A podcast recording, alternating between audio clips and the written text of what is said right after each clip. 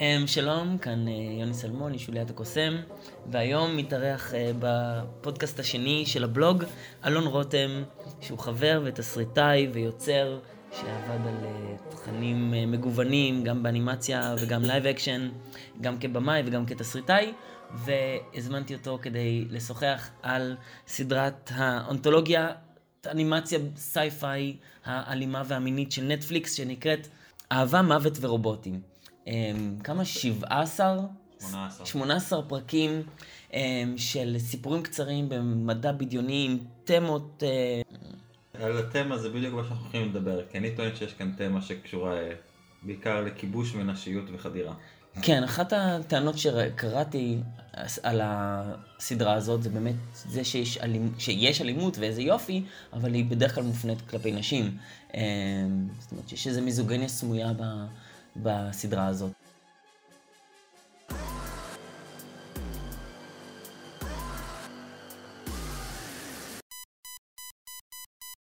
אז לפני שבע שנים בערך, או משהו כזה, באחד אה, אירועי היחד של סם שפיקל, ימי הקולנוע שרנן שור מארגן, היה תחת הנושא עתיד הקולנוע לאן, או עתיד הקולנוע הישראלי לאן.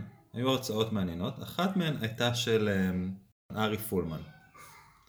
ארי פולמן נתן הרצאה מרתקת, הוא בדיוק היה בימים שהוא עבד על אה, כנס העתידנים.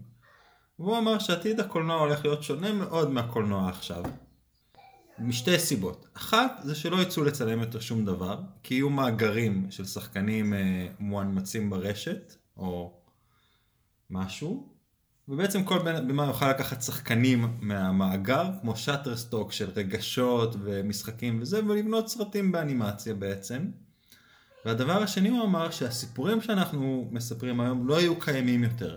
כי המון מהסיפורים שאנחנו מספרים הם סיפורים על משפחות. ומשפחות זה דבר שהולך ל... ל... להיעלם? להיעלם מהעולם, כן. כלומר, האבא, אימא, גבר פוגש אישה, מתאהב, עושים ילדים, זה כבר לא רלוונטי עוד דור או שניים. חושב שהיה שווה לספר את זה בהקשר בדיוק של זה, שאנחנו רואים פה, אני חושב, כשהסתכלתי על הדבר הזה, חשבתי על המאמץ הטכנולוגי שהיה כאן, ליצור בעצם אה, סרטים ריאליסטיים, רוב הפרקים פה הם בסגנון המאוד ריאליסטי, בלי שחקנים.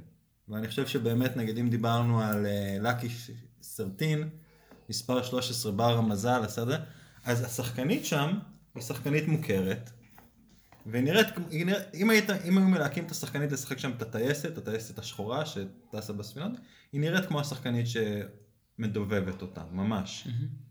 כלומר, יש פה ממש ניסיון ליצור ריאליזם ללא שחקנים, וגם אין פה אף סיפור משפחתי, כמו שאנחנו שמים לב. כמעט כל הסיפורים פה הם... אה, אולי, אולי בחוואים, בחוואים יש קצת משפחות. במעשייה הקשה למתנחלים שם. אבל זה גם נראה לי חלק מהביקורת, זאת אומרת ממש אפשר לראות יותר את הסרטים שיש בהם חזון עיצובי, לבין הסרטים שהם נורא פוטו-ריאליסטיים, דמויות תלת שנראות כמו דמויות אנושיות, ואתה רואה שהן נופלות למה שנקרא עמק הניכור, ל-uncanny valley, שאתה לא לגמרי, יש לך הרגשה של, רוב, גם כשאתה רואה דמויות אנושיות, אתה מרגיש הרגשה של רובוטים. ונראה, לפחות, ב, זה לפי זה, זה שליש מהסרטים הם כאלה, שזה כמעט במודעות ובחירה, כי uncanny valley זה לא דבר חדש. זאת אומרת, כולם יודעים שזאת סכנה, אה, ובכל זאת עושים את זה. לכן חשבתי באמת שה... שחלק מהעניין פה היה זה...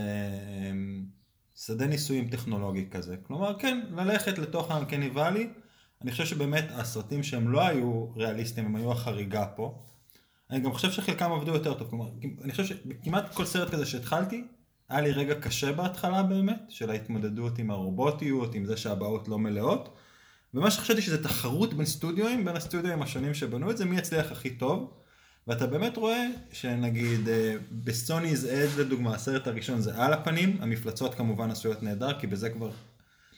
חשוב לחשוב רגע, סלח לי שאני פתאום קופץ אחורה, הרי מה נהיה אנימציה היום? אנחנו רואים סרטי אנימציה כל הזמן, כלומר כל המארוול, כל הסרטי אפקטים, אנחנו רואים מעל 50% אנימציה. כאילו... וקוראים לזה live action, כשבפועל זה לא live, וטוב זה כן אקשן. והאקשן הוא כמעט, האקשן הוא כבר כמעט 100% אנימציה. בעצם הרי בונים לנו את החליפות של הגיבורי על, כדי שיהיה אפשר לאנמט אותם לגמרי, בלי להתמודד עם זה שאנחנו, הדבר היחידי שאנחנו לא יודעים לעשות ריאליסטי, זה פרצוף אנושי, כן? כן. ואז אני אומר בעצם האנימציה, כאילו נגיד אתה יכול להגיד איזה יפה המפלצות פה, האפקטים, אבל בעצם על זה כבר רוב הסטודיו של האנימציה בעולם, זה העבודה שלהם. ליצור רובוטים ופיצוצים ואפקטים ואקשן, וברגע שיוכלו להתמודד עם פרצוף אנושי, אז כבר המעט לייב אקשן שיש בסרטי מארוול, כלומר זה שצריכים לשלם לרוברט דאוני ג'וניור כדי שיבוא ויעשה כמה פרצופים בתוך החלל הירוק שהוא נמצא בו, זה ייגמר. אה, וואי, זה ממש מגניב מה שאתה אומר, בגלל שבאמת התמה הזאת של חליפות, זאת אומרת, של בכלל הדימוי הזה שאנחנו כבר מכירים, של בן אדם שיושב בתוך גוף רובוטי, אז הוא בעצם גם מופיע, זה התחיל באליאן, בפסיפיק רים חגגו את זה, ראינו את זה בעוד מקומות, ופה זה מופיע בצורה מודעת, בעיקר באמת בסוני ג'ד שהופך את זה, זאת אומרת שאתה כבר לא יודע מי פה, ה, מי פה הגוף ומי פה הנפש, מי נמצא בתוך, ה, בתוך מי, וכמובן בסוץ, שממש הסרט עם, עם, עם, עם החקלאים הדרום אמריקאים שפתאום נשלחו לזירה אה, חייזרית, שממש משתמשים בתמה הזאת, וכמובן זימה בלו, שלגמרי יורד לשורשי הרעיון של גוף ונפש ומפרק אותו לגמרי. זאת אומרת, זה באמת חוט, חוט שזור לאורך כל הסדרה. נכון, ונראה לי אנחנו נדבר על זה עוד, אבל אם מדברים, אז חייבים לציין את אבטאר בהקשר הזה. כאילו אבטאר, אבטאר הכחול, כן, לא אבטאר הסדרה המוצלחת. שאם מסתכלים מחדש על זה, הרי זה גם, זה סרט שהוא כולו היה אנימציה בעצם, כמעט. ואנחנו רואים גם את הבני אדם צוללים, וכל הסרט הוא הלבישה של גופות, כאילו הבן אדם הנכה שמתגלגל לתוך הגוף הכחול, אבל גם הדמות נבל שם, כל הזמן, אם שמים לב, הוא קופץ לתוך המקסוץ, שכמו שציינת גם כאן יש את זה, אבל כאילו, כל הזמן לבישה של גופים. ואתה צודק שבאמת, וכשאנחנו חושבים, אם, אם ציינתי כבר את ארי פולמן, אז ארי פולמן, הרי הסצנה המבריקה ביותר כנראה בכנס העתידנים, היה זאתי באמת של הסריקה.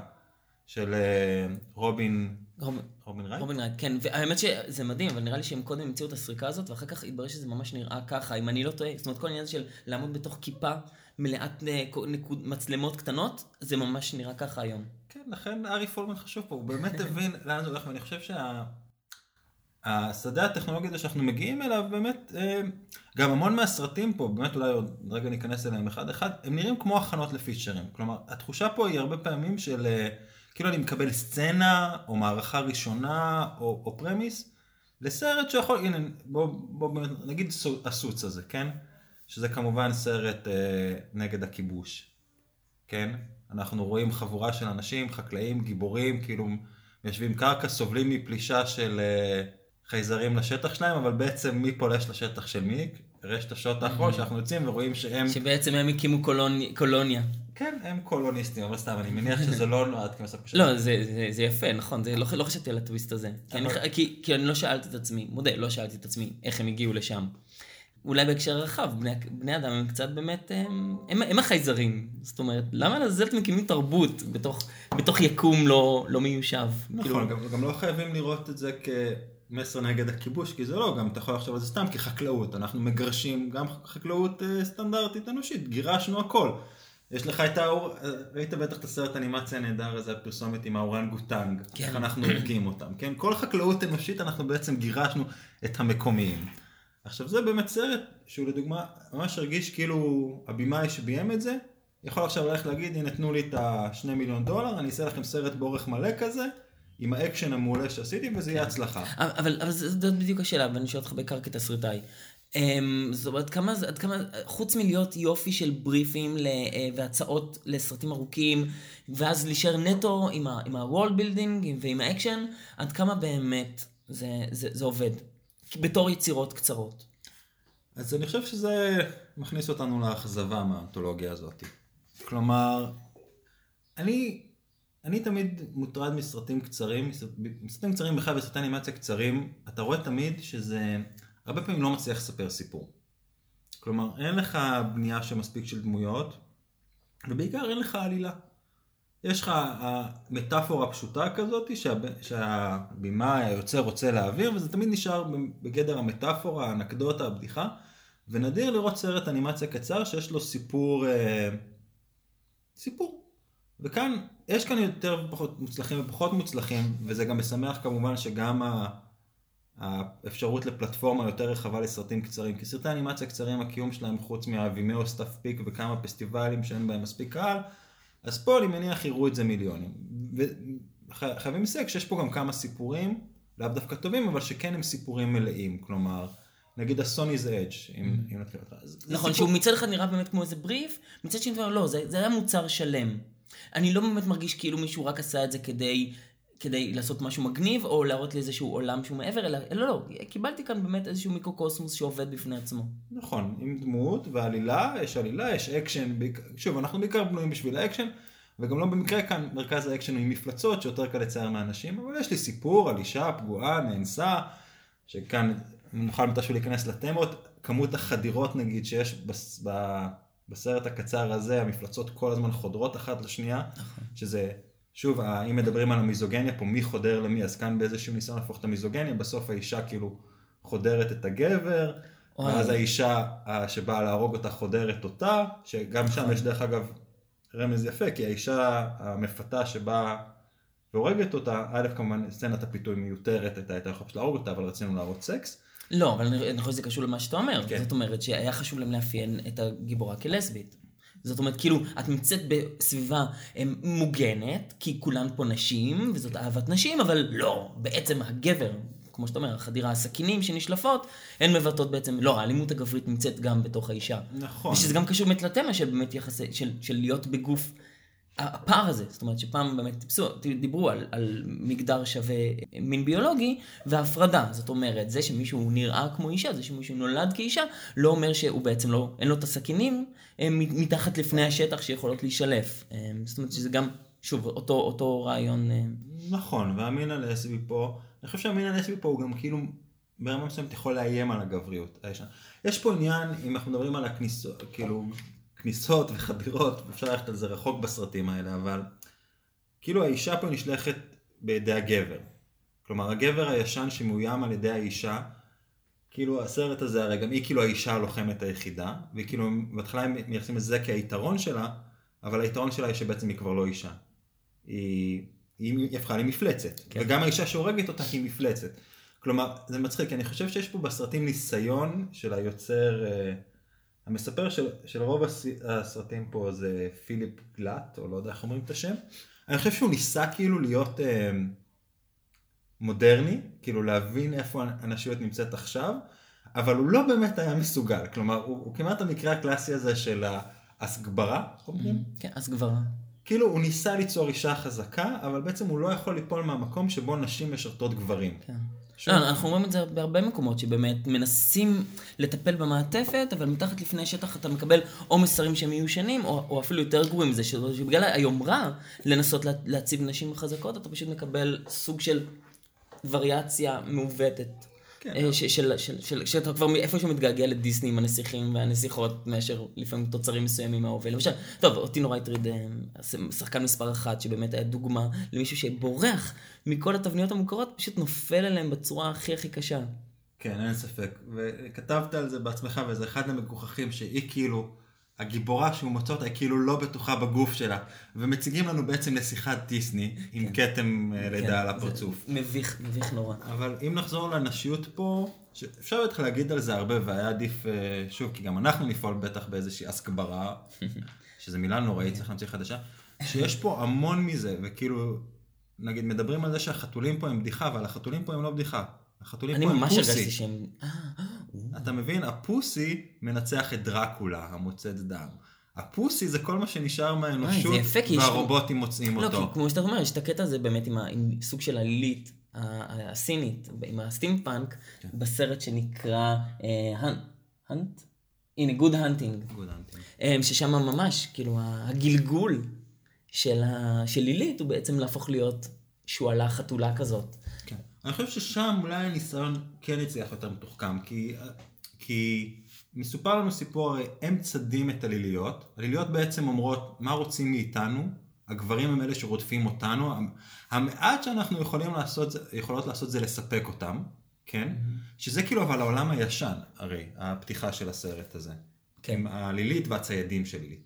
אז אנחנו מגיעים לעולם הטכנולוגי, ואז לילית היא מוחלפת ברובוט, אם אתה זוכר. נכון, נכון, בשלב מסוים זה- של העלייה, הסרט זהו גם, הוא אחד הקשים שם, והוא דרך אגב אחד יפ... כאילו, כן. הוא לא מהריאליסטים וזה נותן לו יתרון גדול כי הוא באמת מעוצב. אה, כן, חוץ מאיך שהם ציירו אפים, שזה די בלתי נסבל. האפים שהם נורא מכוערים. הדברים שאתה שם לב אליהם. בכל מקרה, אז זה הפטישיזציה הרי של האישה. האישה הופכת ל... הופכים אותה לרובוט, והגאולה שם בסוף, שהיא דווקא מעניינת, זה שמתוך הפטישיזציה, מתוך ההפיכה של כול, נשים ובעצם של כולנו לסחורות, אפשר להחזיר את הקסם, ובעצם אבל אין שם החזרה של הקסם בסוף, היא פשוט צ- צד האנסים.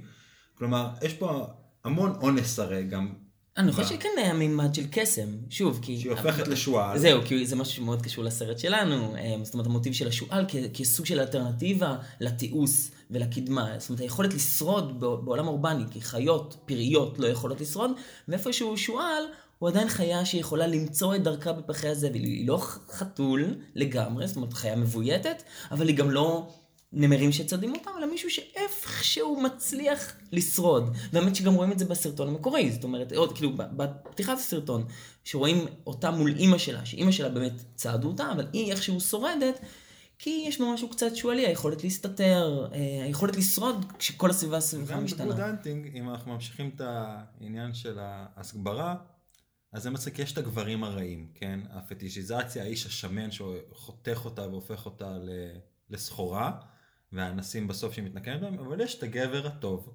שהוא זה שעבר מלהיות בצד שהורג אותה, לצד שעוזר לה לבנות את הגוף השועלי החדש. רגע, אתה רומז שוב- כאן לאבטאר? זאת אומרת, היכולת בעצם, זאת אומרת שהיא עוברת טרנספורמציה להיות שועל, והוא עובר טרנספורמציה בעצם להיות גבר חדש, רגיש. לא, אני, אה, אני אומר ההפך, כאילו זה, זה מה שמצחיק, זה גם נמצא שם, אבל גם בעצם זה שוב הפנטזיה של האיש שכתב, כאילו הגברים שיצרו את זה, שהם יכולים לספק לנשים, כאילו הם, הם בצד של, הם הגבר הטוב, הם לא בצד של האנסים והשמנים, הם לוקחים את האישה שהפכו אותה לסחורה, ונותנים לה אה, רוח חדשה בסרטים שלהם. יפה. אז בעצם אתה אומר, הם- בזה שהוא בורא לה גוף מכני של שועל, הוא לא שונה בצורה מהותית מההוא שהפך אותה ל- ל- לרובוט.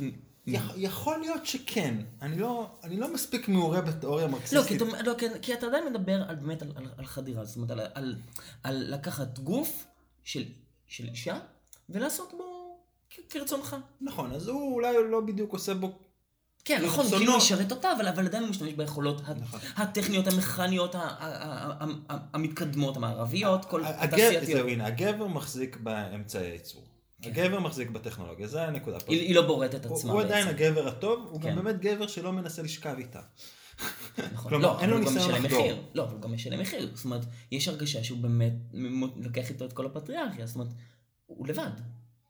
גם מולה הוא לבד, זאת אומרת, זה לא שהוא מפתח איתה איזה קשר אחר, אלא בסופו של דבר, הנקודת סיום היא פרידה. אבל נראה שהוא, אם אני זוכר נכון, הוא כאילו מרוצה. הוא משרת, הוא, הוא חלק, הוא אה, בורג, גלגל שיניים בזמנים המודרניים, אבל הוא כאילו מרוצה בחלקו. שזה, שוב, אם מדברים על הצד הפמיניסטי, לא יודע אם קוראים לזה פמיניסטי, כאילו, וזה מוביל אותי באמת למרקסיזם בסיפורים האלה. שאני חושב ששם אם נלך לבאמת הסיפור המעצבן, Behind the Killer Rift, ה- הסרט בו הוא מתעורר בקצה של החלל, מוצא את השלכה המושלמת של האישה המושלמת, שוכב איתה, משהו שם לא בסדר, ואז הוא מגלה שהוא בעצם מתעלס עם עכביש, כן? כן. שזה שוב פעם איזשהו מיתוס של עילית, כלומר, היא באה אליו בחלום בלילה למשוך לו את הזרע, אבל היא כאילו, היא לא רעה, כאילו, לא ברור אם היא רעה. כן, כי אין פה אינטרס בעצם, שאולי זה גם חלק מהמכונות. כאילו, מכונות הן לא רעות, כי הן קצת נטולות אינטרס. נגיד, אם במטריקס האינטרס היה הקיום שלהם, זאת אומרת, הם היו צריכים בטריות, אז פה אפילו את זה אין. זאת אומרת, זה פשוט סוג של, סוג של אלטרנטיבה, כאילו העידן האנושי נגמר, ועכשיו יש איזה משהו כזה. והיא מנסה לתת לו פנטזיה, כי, ו, ויש שם קטע מעניין דווקא, שוב, אני, אני חושב שזה אחד הסרטים שהכי נפלו בגלל הריאליזם שלו, לגמרי. אוי, זה ש- דוחה, כן. אבל יש פה אמירה חזקה, היא מנסה להעיר אותו מהמטקס, כלומר יש שם את הקטע, היא נותנת נכון. לו את הכדור האדום או הכחול, ולוקחת אותו אל המדבר של הממשי, כן. והוא צועק כמו משוגע, או אני לא זוכר מה, כמעט משתגע, ומבינה שאי אפשר, ומחזירה אותו לפנטזיה, למטריקס. כלומר, אין לנו, וזה שוב, בתיאוריה המרקסיסטית נגיד, אין לנו את האפשרות לצאת מהאידיאולוגיה. כלומר, כן. התודעה הכוזבת שלנו, היא, היא חובקת כול, אנחנו לא יכולים להתעורר מהדבר, מהיחסים שלנו עם סחורות, עם נשים. כן, למרות שגם במטריקס זה קצת היה קיים. בסרט השני והשלישי ראית שאתה לא באמת יכול להשתחרר מהמטריקס, מאחורי כל מטריקס יש שכבת מטריקס נוספת עד אינסוף. כן. שזה, אני חושב, אה, חשוב בביקורת, על. כאילו, שזה נושא מעניין בביקורת על האידיאולוגיה, נגיד, אם באמת מסתכלים על היחיד שאני, אני לא מומחה בתחום, אבל אם מסתכלים על, על מה שאלטוסר אומר, אין לך את האפשרות, אין לך את האפשרות להיות בחוץ, כלומר, מקסימום אתה באיזושהי אידיאולוגיה אחרת, ואני חושב שאתה באיזושהי אידיאולוגיה אחרת, אבל um, כאילו, אתה תמיד שבוי בתוך זה. ו, ושוב, אם מסתכלים, זה גם חוזר פה, א', הפטישיזציה והגדילה של סחורות, אז יש פה גם באמת את הזבל שהופך למפלצת. אה, ואני חושב נגיד שמעניין בהקשר הבלי נשים של זה, זה אם אני מסתכל על, ה, על הסרט של אנשי זאב, השפ שיפטר. סרט נהדר, אז אחד נגיד- אהובים עליי. כן? אז תדבר. על זה רגע לפני שאני אגיד את זה. אוקיי, אז אה, יהודה גזבר כתב על זה, הוא היה קצת אה, מאוכזב, מה- באמת סרט שהוא מצד אחד עוסק במטאפורה. אה, והוא משתמש באנשי זה, ו- ואני טענתי שדווקא יש בו משהו שהוא נוגע בנקודה עמוקה שהמטאפורה יושבת עליה כמו כפפה ליד. כי הרי במה בעצם מדובר? מדובר על חייל שמצד אחד מגייסים את היכולות שלו, אבל מצד שני הוא תמיד נשאר אאוטסיידר. ו- ואפילו צריך להילחם בבני מינו. ובהקשר הזה אפשר לדבר על הומוסקסואלים, ואפשר לדבר על אה, חיילים אה, ערבים ומוסלמים בשירות המערב, שחלק מהעניין זה באמת אה, איך אתה משתמש, איך זה להיות מישהו שהוא מצד אחד משרת את המערכת, אבל תמיד מסתכלים עליו בתור אזרח סוג ב' וכן הלאה, ואיך זה בסוף מגיע לסיום, שבו הוא בעצם אוכל את העוגה ומשאיר אותה שלמה, בזה שהוא בעצם גם עושה את העבודה שלו, אבל גם בסופו של דבר מתנשא על החברה שאותה הוא משרת, והוא בעצם לוקח את הגופה של החבר שלו ו... אה, והולך משם, מפנה גב לחברים שלו במרכאות ל- ללחימה. מהבחינה הזאת הרגשתי שזה נורא נורא עמוק, כי באמת, יש שם המון המון רמיזות הומוסקסואליות ב... בסרט הזה, ו... ועדיין אתה לא מרגיש שהמסרים מודבקים. העולם הוא אמין, הדמויות מעניינות, אה, ואתה לא מרגיש, אוקיי, מישהו כאן מנסה להעביר לי מסר על כן. שילוב של זרים הומוסקסואלים בצבא. כן, זה לא הפך לפמפלט, לאלון מפלגה כזה, שזה יתרון, אתה צודק, אבל שזה גם מצד שני לא הרחיק הרבה. יש פה עניין ההומוסקסואלי, שוב, אם צחקנו על הכיבוש, אז אפשר להגיד הדרוזים לא, זה בצבא לג- הישראלי. זה, זה, זה לגמרי, שם זה יותר בעניין של הטליבן, שבאמת יש הרגשה שהרי הזקן, האיש זאב הרע, הוא בעצם נראה איש טליבן כזה. הוא איש טליבן. כן, לא, אבל, אבל, אבל רואים שיש לו קשר, זאת אומרת. כאילו איפשהו הוא האויב, אבל בש- עבור החייל הזה הוא גם סוג של בן ברית, וזה חלק מהקונפליקט שלו. וזה שוב מבחינתי מתחבר לתיאוריה המרקסיסטית, כלומר, ה... ה... כמו שאומרים במלחמת העולם הראשונה, בזמן שהפועלים הצרפתים והפועלים הגרמנים הרגו אחד את השני בשוחות, התעשיינים, הסוחרי ברזל, המשיכו, לה... משני הצדדים, המשיכו לעשות כסף. כלומר, אתה איש זאב אמריקאי, אמ, שוב ברכה לי אותה מילה, אה, תודעה כוזבת, אני אמריקאי, המולדת שלי היא זאת כן, וזאת. אני שייך. אני טליבן, אבל בעצם הם אנשי זאב. ואני חושב שיש דווקא איזה פסימיות, כי מצד אחד הוא לא מסגיר את האיש זאב, כלומר הוא לא נותן לחיילים האחרים להרוג אותו, הוא הורג אותו בעצמו, שזה אולי איזשהו כבוד, או כמו שאתה אומר, כאילו משהו גם בהומואירוטיות, אבל לא יודע, הגבריות, שוב, אין לי מושג האמת.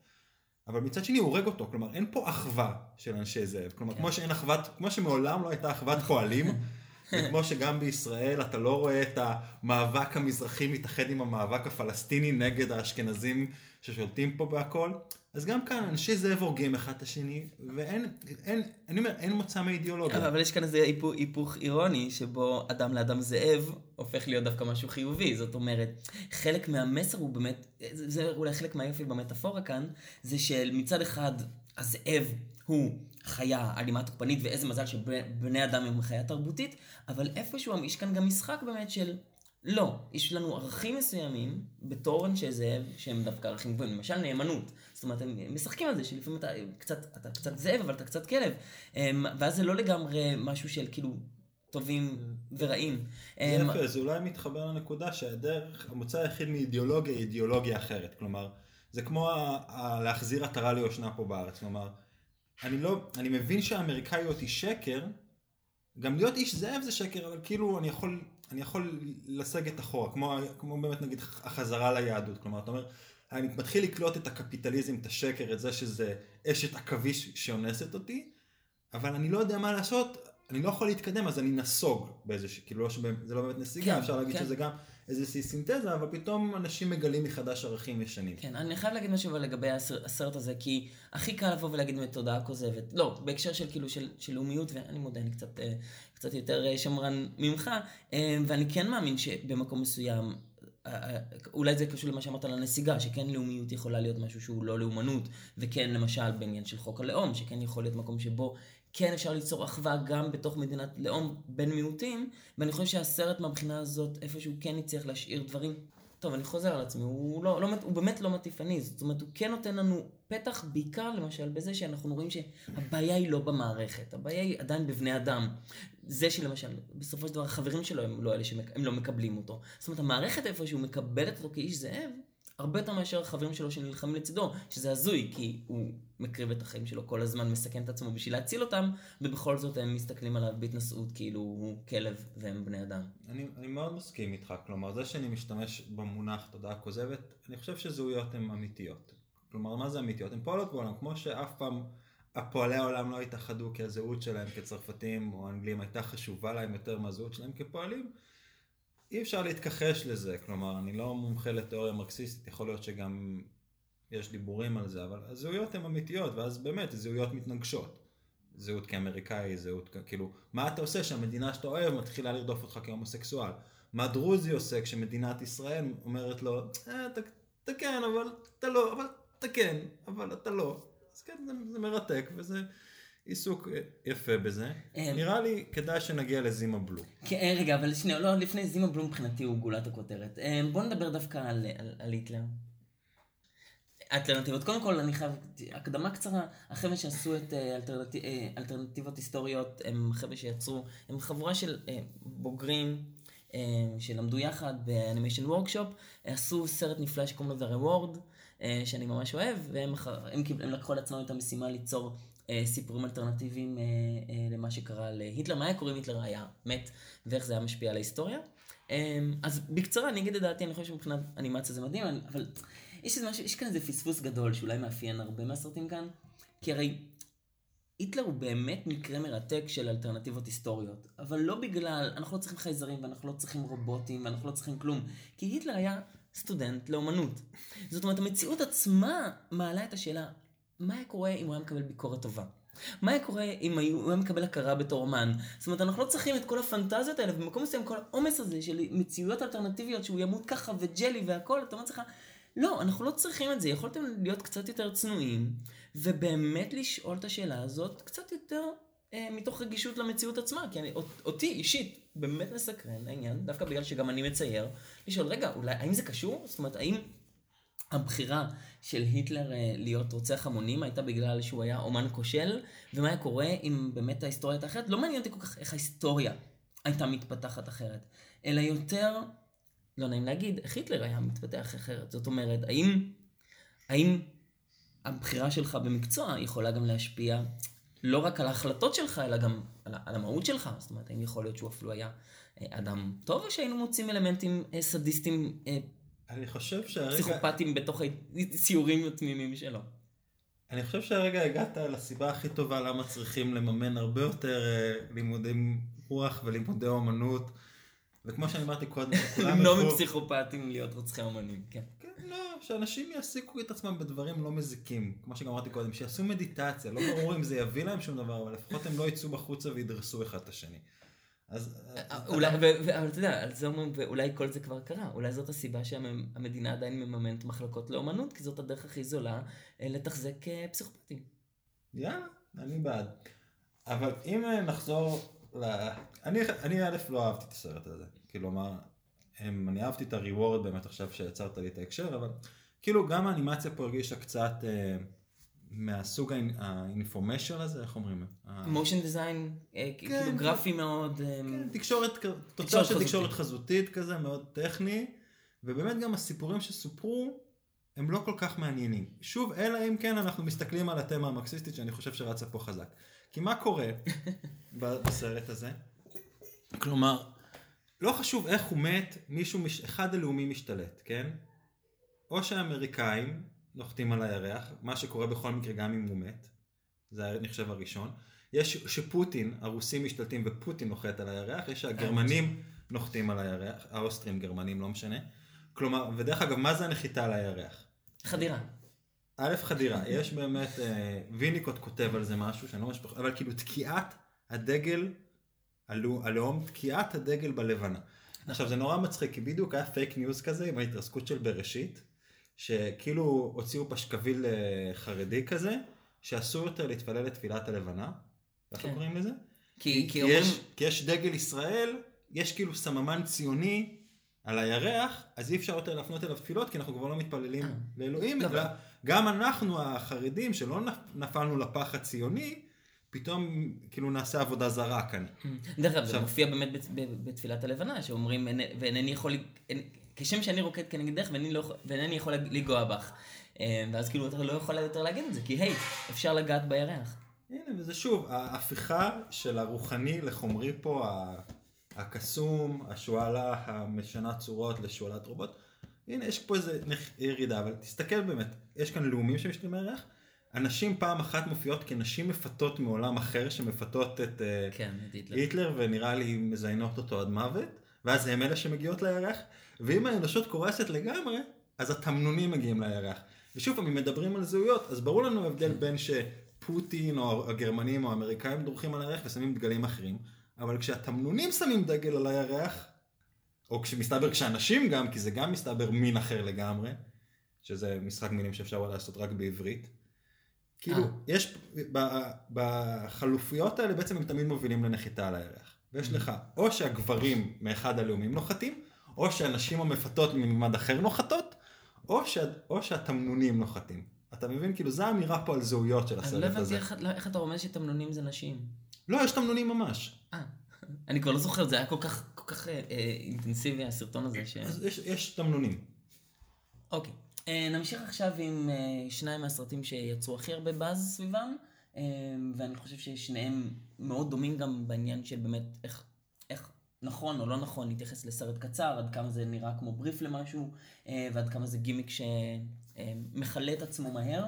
אה, The Witness הוא יצירה ויזואלית מאוד מרשימה, שמזכירה להרבה אנשים, ובצדק, את ספיידר ורס, מבחינת ה- היכולת לשלב אה, מודלים תלת-ממדיים כמעט ריאליסטיים, עם טקסטורות אה, מאוד קומיקסיות, אה, עם צבעוניות עזה ומיוחדת, ובאמת מדובר באותו אה, מעצב.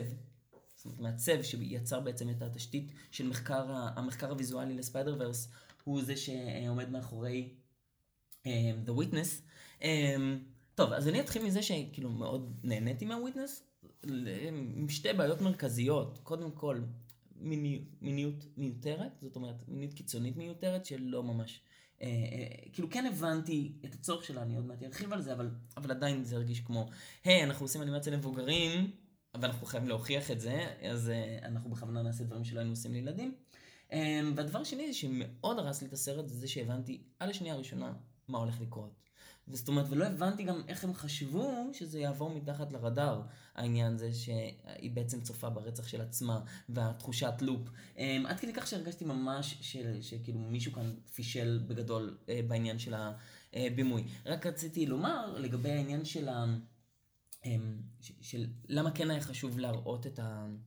אה, את, את, את העולם שלה בתור אה, חשפנית, ואני חושב שהנקודה המשמעותית זה גם בקשר לדברים שאמרת לגבי זנות בכלל, או, או, או, או חשפנות כאיזה סוג של אה, אה, העולם שמתחת, העולם שמסתתר, העולם, עולם נשי, עולם, עולם יצרי, וכן הלאה, שמסתתר מתחת למציאות הכאילו מעוגנת, מסודרת שלנו, אה, אז, אז באמת חשוב להשתמש בעולם הזה, ובנוסף גם העניין של זה שאי אפשר לפנות למשטרה. אה, זאת אומרת, אנחנו חייבים כאן את העולם, כדי לתת אפשרות לעולם כאוטי להתרחש, אנחנו צריכים שהוא יהיה מחוץ לעין הנורמטיבית. אה, ובאמת חלק מהעניין זה שאסור לה לפנות למשטרה. היא מתקשרת למשטרה, וכמובן מבקשים ממנה את הזהות שלה, ולכן בעצם היא לא מסוגלת להמשיך הלאה. אה, אז שוב, אני כאילו מבין את הרציונל של זה, אבל, אה, אבל, אבל מבחינה רגשית, לא, לא הרגשתי שזה מממש את הפוטנציאל שלו. זו נקודה יפה. א', אני חושב שמבחינה רגשית זה חלק מהבעיה פה, לא רק בסרט הזה, בכלל ש... פעם היה לי מורה שלימד אותי, הרגע הקולנועי הוא הרגע האנושי. כלומר, בסופו של דבר אתה הולך לקולנוע, ומה שיעשה לך את הסרט, או מה שיכניס אותך לסרט, זה מחווה אנושית אחת. כלומר, אפשר לחשוב על הפתיחה של אפ, כמה הרבה עבודה היא עושה, אם מדברים על זה באנימציה, או בכלל בהמון סרטים. דרך אגב, בהרבה מהסרטים, לדוגמה באבטאר, אין את הרגע הזה לדעתי. אמ, ב-Ready Player One אין את הרגע הזה. וכאן באמת זה חסר, זה חסר גם בזה. הוויטנס, כאילו זה, זה, בגלל שזה סיפור פואנטה, זה כזה הסיפורים המצמרים בעולם, אה, ווליום כן. 3 כזה, אז זה כאילו נסלח באיזושהי רמה. א', אני חייב להודות שאני לא שמתי לב בהתחלה שהוא רוצח אותה. כאילו רק בצפייה שנייה שעכשיו עשיתי לפני שבאנו לדבר, פתאום קלטתי שאני רואה על ההתחלה באמת את הפאנץ'. כן. וחשבתי שזה מעניין, כי זו בחירה בימויית, כי היה אפשר להסתיר את זה יותר. נכון, זה ש- לרמוז עם איזה אביזר מסוים. אפשר היה ממש לא להראות שהוא רוצח אותה גם, כלומר, ולהשאיר לנו את זה רק כפאנץ'. הבחירה הבימויית, אני מניח, היא עוד יותר ליצור את המעגליות. היא גם אולי להניח שאם הוא יעשה לנו מספיק אקשן, כבר נשכח עד הסוף מה קרה. והוא עושה, ודרך אגב, החשפנות כאן, א', אתה גם צודק, זה כאילו מימד שהוא רחוק מהסדר הקיים. יש פה כמובן את העניין של הנשיות, ואתה צודק, וזו פתיחת סוגריים מעניינת אולי, שכאילו אנחנו נורא רוצים אנימציה למבוגרים, אבל בעצם זה אנימציה למבוגרים בלבד. כלומר, אנימציה היא. לילדים, ויש אנימציה למבוגרים בלבד. עכשיו, זה כבר לא כל כך נכון בימינו, כי יש את, אה, את הסדרות האלה שבעצם עושים סיטקומים באנימציה. אה? בוג'ק הורסמן, כן. ריק ומורטי כמשהו באמצע, כאילו, אבל נהיה האחיות האלה שעשו ב-HBO, כלומר, נהיית אנימציה למבוגרים שהיא לא למבוגרים בלבד, אבל זה נושא מעניין המחשבה הזה, שהרי גם האנתולוגיה הזאת היא איזושהי מחווה למשהו מה-80's. אה, מת על משהו? אתה בטח מכיר את זה יותר ממני. לא. לא חשוב, כאילו, אנימציה מה, למבוגרים, כל- האנתולוגיה, כן? אני לא יודע, האנימציה למבוגרים בלבד זה משהו שהיה קיים. כן, אני- אבל, לא, אבל זה, זה יפה, כי באמת, זו בדיוק השאלה של האם זה אותנטי, זאת אומרת, האם אתה, האם זה שאתה עושה אנימציה אה, למבוגרים זה בגלל שיש לך הזדמנות לספר סיפורים שלא היית מספר אחרת, אבל אתה רוצה לספר, או שאתה באמת מרגיש בצורה חיצונית, כמו באמת בהיטלר זה היה די בולט, של כאילו, כאילו שראו את, את הצד, הצד, הצד, הצד הגימיקי, אפשר להראות זונות, מראים זונות, אפשר להראות את היטלר, מראים את היטלר, אבל אתה שואל, אוקיי, אבל נו, ועכשיו בואו נתבגר. אני חושב שזה נוגע לנקודה שאנשים כמוך הם מובילי הדגל, שאנימציה זה לא ג'אנר, אנימציה זה טכניקה. כלומר, הנה, כאן יש לנו הרבה מדע וקצת אה, מותחנים כאלה, לא יודע, כל מיני סגנונות, ופשוט עושים אותם באנימציה. כאמור, הרבה פעמים פה האנימציה כאן היא, היא באה להיות ריאליסטית, היא באה במקום ריאליזם. כלומר, רק בוויטנס כמעט, באנ- באנתולוגיה הזאת, אנחנו רואים סרט עם אמירה עיצובית, כמו שאתה אומר, הוא הכי יפה, הוא, הוא ריאליסטי, אבל הוא, הוא מוקצן, השפה הזאת גם משרתת את המרדף ואת המתח. דרך אגב, גם זה הסרט היחיד שהאירוטיקה בו, היא הייתה באמת יפה, כלומר הריקוד שלה נכון. הוא אנימטיבי, הוא מיוחד, הוא לא סתם כאילו בואו נעשה סקס אבל עם, אה, עם בובות ולא עם בני אדם, שזה שוב הפטישיזציה של הסחורות, כן? אה, כשאנחנו מתחילים, אנחנו אפילו לא רוצים לראות בני אדם בסקס שלנו, אנחנו רוצים לראות, כאילו אנחנו לא, אנחנו לא נסתכל על פורנו של בני אדם בזמן שאנחנו עושים סקס עם בובה. אנחנו נראה סקס של בובות בזמן שאנחנו עושים סקס עם בובה. סלח לי שאני מטריד אותך, אבל יש פה נקודה חשובה. שאני לא אפת- אפתח עוד, מי שרוצה שיחשוב על זה. אז אני אומר, ב-Witness, אם תשים לב, יש פה, אם רוצים כן לחפש פה מטאפורה, לא יכול להיות מגע ביניהם חוץ מאלימות, בין הגבר לאישה. כלומר, יש את הקטע, היא רוקדת מולו, כי הם אפילו כולם שם עטופים בשכבות. של אור שחור, נכון? היא רוקדת מולו, בזמן שהוא כאילו מעונג, או המגע שהוא מקבל, זה כן, נכון. מהגומי השחור. כלומר, לא יכול להיות יותר מגע בין הגברי לנשי. זה יפה, כי גם בינינו, אחד הדברים שמאוד אהבתי שם, זה שהוא נראה מאוד תמים, הגיבור הזה.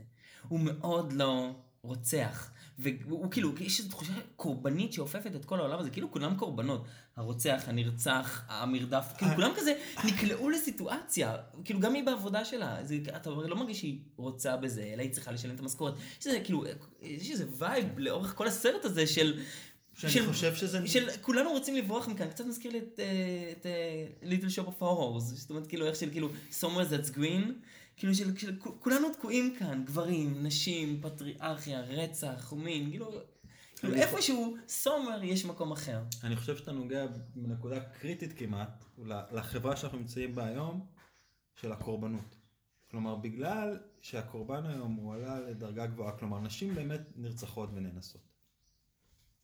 אבל גברים בשביל להיות מסוגלים לדבר בחברה שלנו, צריכים להציג את עצמם גם כקורבנות. כלומר, אתה רואה את נתניהו, ראש ממשלה 20 שנה, רודפים. קורבן, רודפים אותו, הימין רודפים אותו, יהודים רודפים אותם, ערב, כאילו, היום אם אתה, אם אתה מחפש מישהו שהוא לא קורבן, אתה לא מוצא. ואם... או, או, או גבריאל בוקובוזה, אה, החוקר הזה שעכשיו מאוד מאוד מקדם אה, מבט גברי, כסוג של קונטרה, גבריות חדשה, וגם הוא באמת חלק מרכזי מאוד ממה שהוא עוסק בו, זה באמת גם גברים משלמים מחיר על פטריארכיה, אם אותם שולחים למלחמות, אותם שולחים אה, אה, לבנות בניינים וליפול אה, שלוש קומות, אה, וכן הלאה.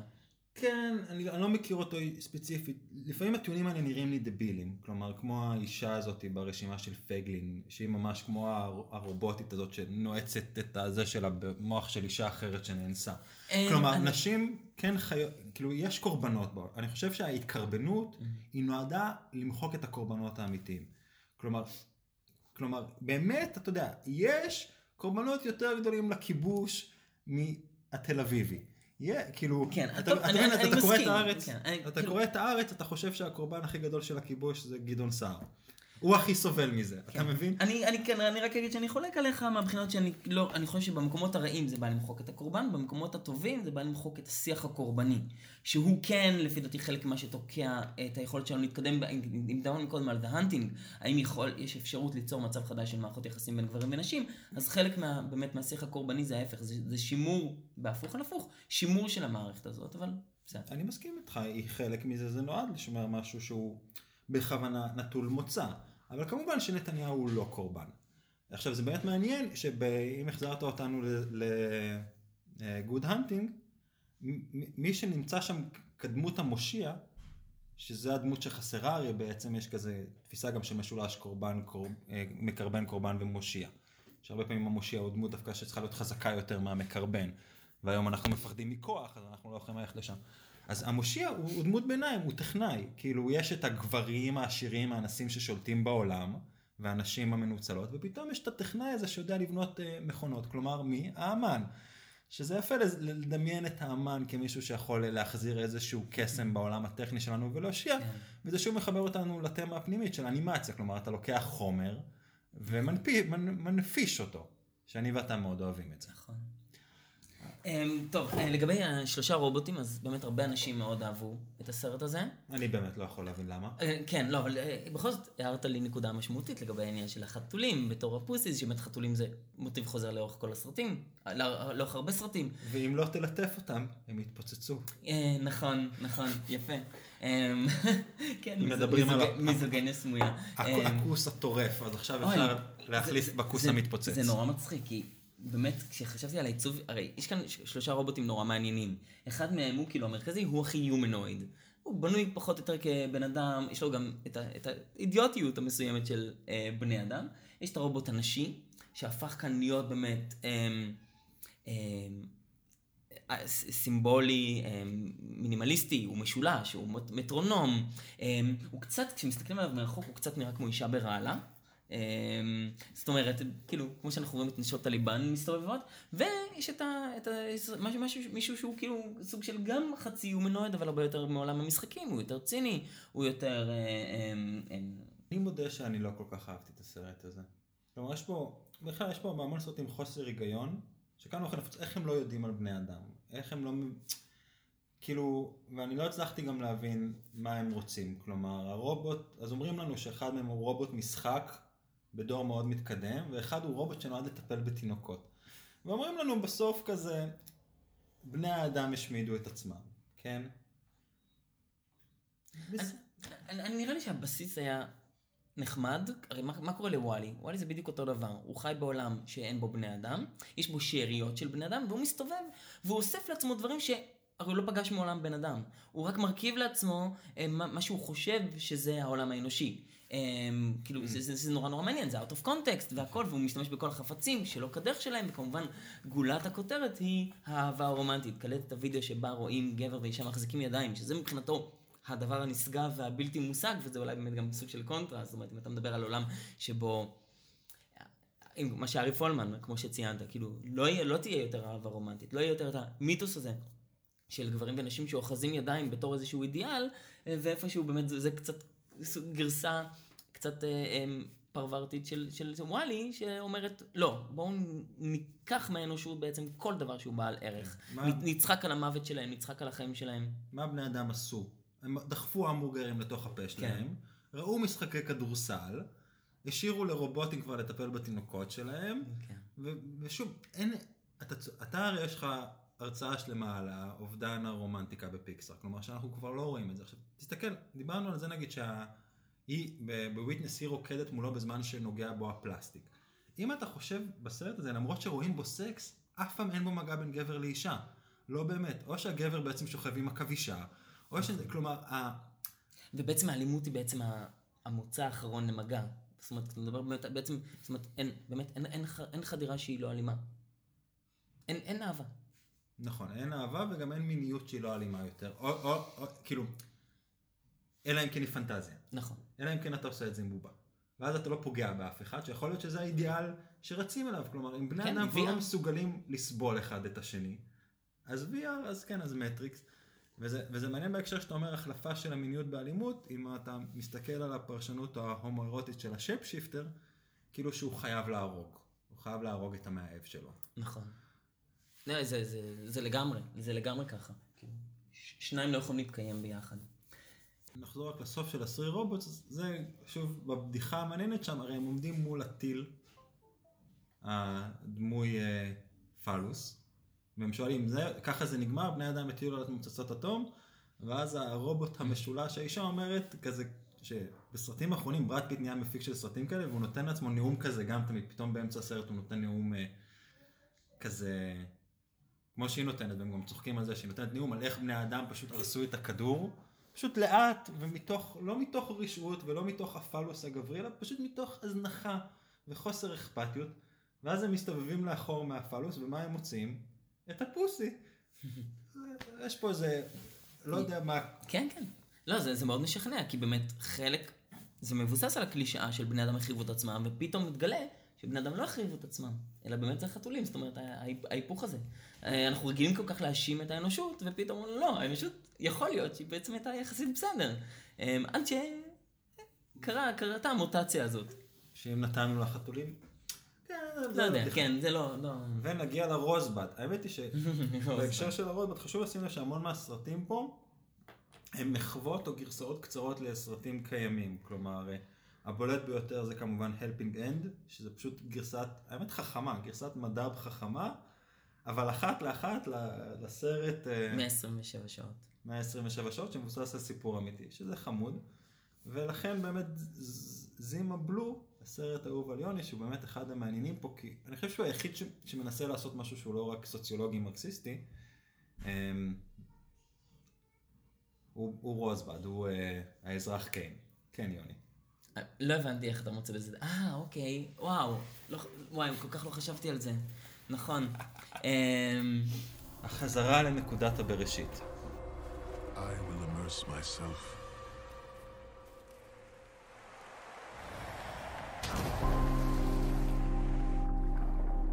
And as I do, I will slowly shut down my higher brain functions.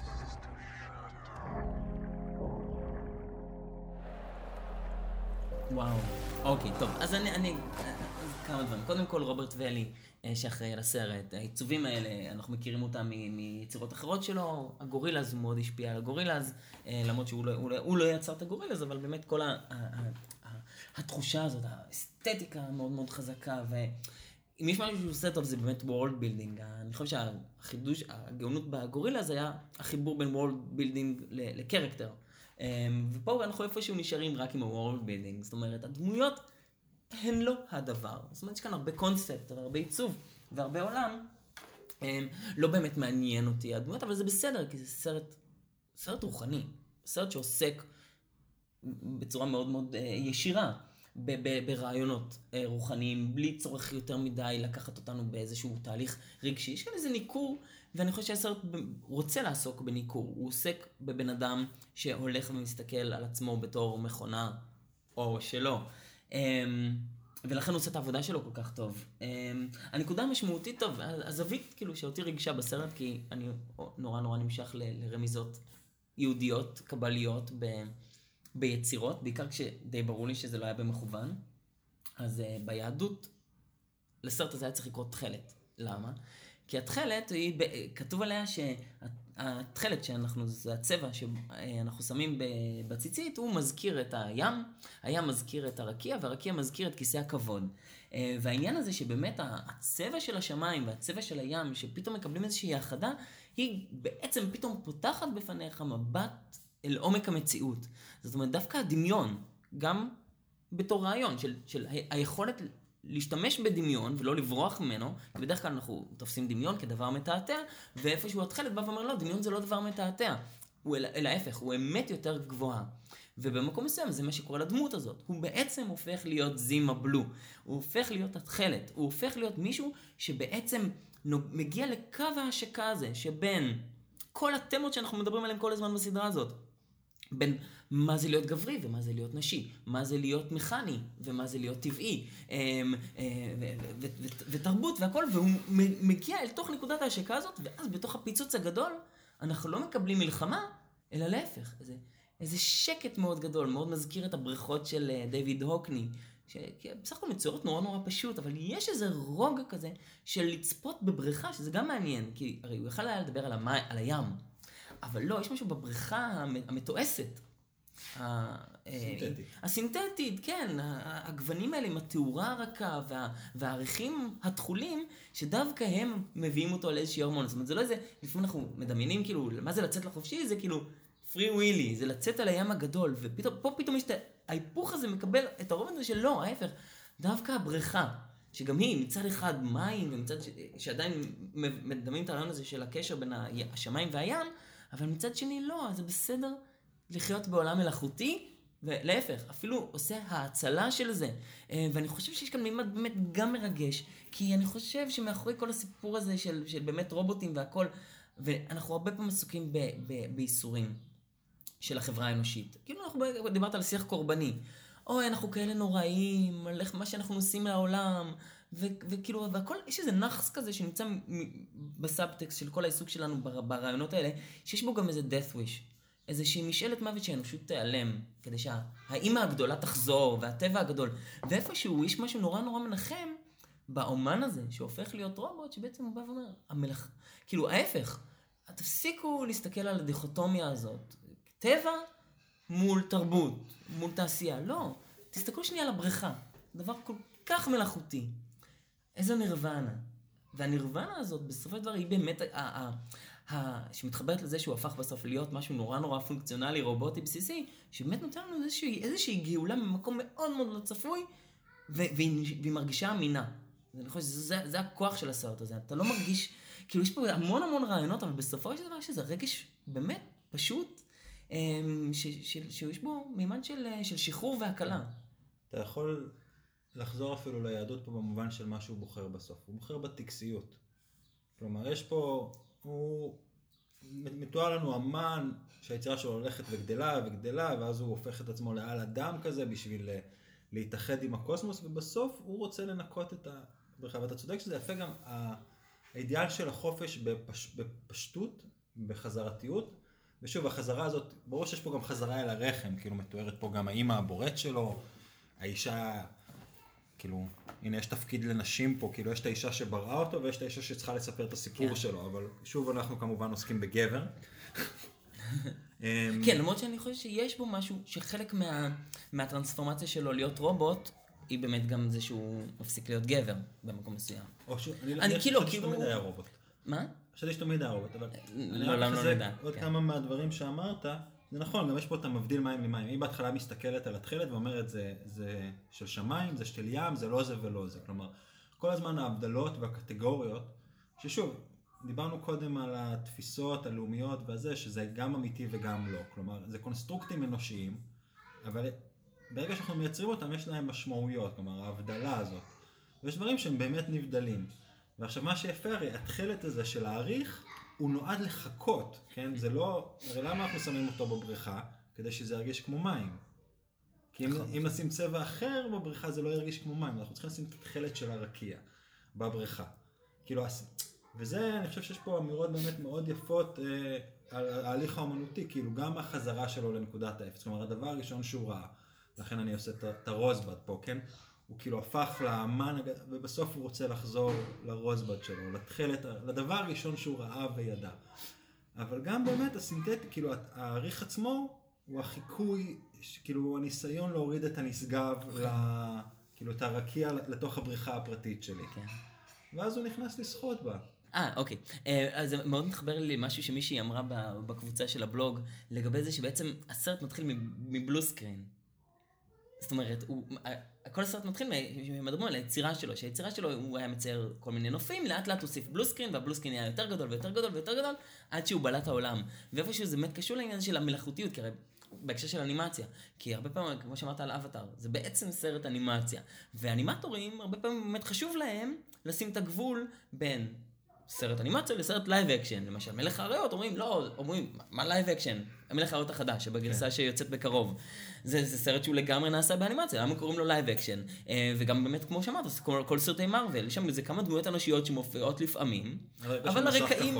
אבל יש שם blue screen. ואיפשהו יש את העניין הזה שבאמת, כאילו, שהוא גם אומר לנו, חבר'ה, שחררו. ה blue screen כל כך גדול, הוא כבר מכיל כל כך הרבה דברים, שתפסיקו להיות ב nitpicking הזה של... אה, זה אנימציה או זה לא אנימציה? אז אני כ- כאנימטור שחובב אה, אה, אה, אני- אנימציה אה, אה, ש- שהמלאכותיות ניכרת בה, זאת אומרת שהיא לא אנימציית אפקטים, אז עדיין לא ויתרתי על, על, על המאבק הקטן הזה, אבל ברמה העמוקה הוא באמת צודק. העניין כאן הוא לא מה האמת, העניין כאן הוא לא, הוא לא ההגדרות החיצוניות, אלא העניין כאן הוא, הוא רגש. בסופו של דבר, אתה יכול לעשות אנימציה פוטו-ריאליסטית מדהימה, שתרגיש לך באמת שהיא נופלת לתוך ה-uncanny valley, ויכול להיות להפך, יכול להיות אנימציה הם, מאוד מאוד אומנותית, ידנית, הם, שפשוט לא מפעילה בך שום רגש, וזה צריך להיות השיח המרכזי שלנו. ונראה לי שזה מתחבר לנקודה היפה הזאת של אמ, מה אתה מנסה להוריד. כלומר, העריך, העריך הטיפשי הזה, הוא באמת יכול להיות מאוד יפה, ואולי באמת כי הוא מזכיר משהו מהרקיע. כלומר, מה אתה מנסה להביא, ויכול להיות שאנחנו גם אוהבים את הסרט הזה, זה בדיוק זה, כי אנחנו לא רוצים אומנות שהיא פמפלט, אנחנו לא רוצים שמישהו יבוא ויגיד לי איזשהו מסר בעזרת אומנות, אנחנו רוצים לפתוח ולהביא משהו, להנפיש. אה, ובזאת אנחנו נפרדים, תודה רבה אלון. תודה יוני. אה, ואם אתם תהיו נחמדים אלינו, אז יבואו עוד אה, פודקאסטים. להתראות.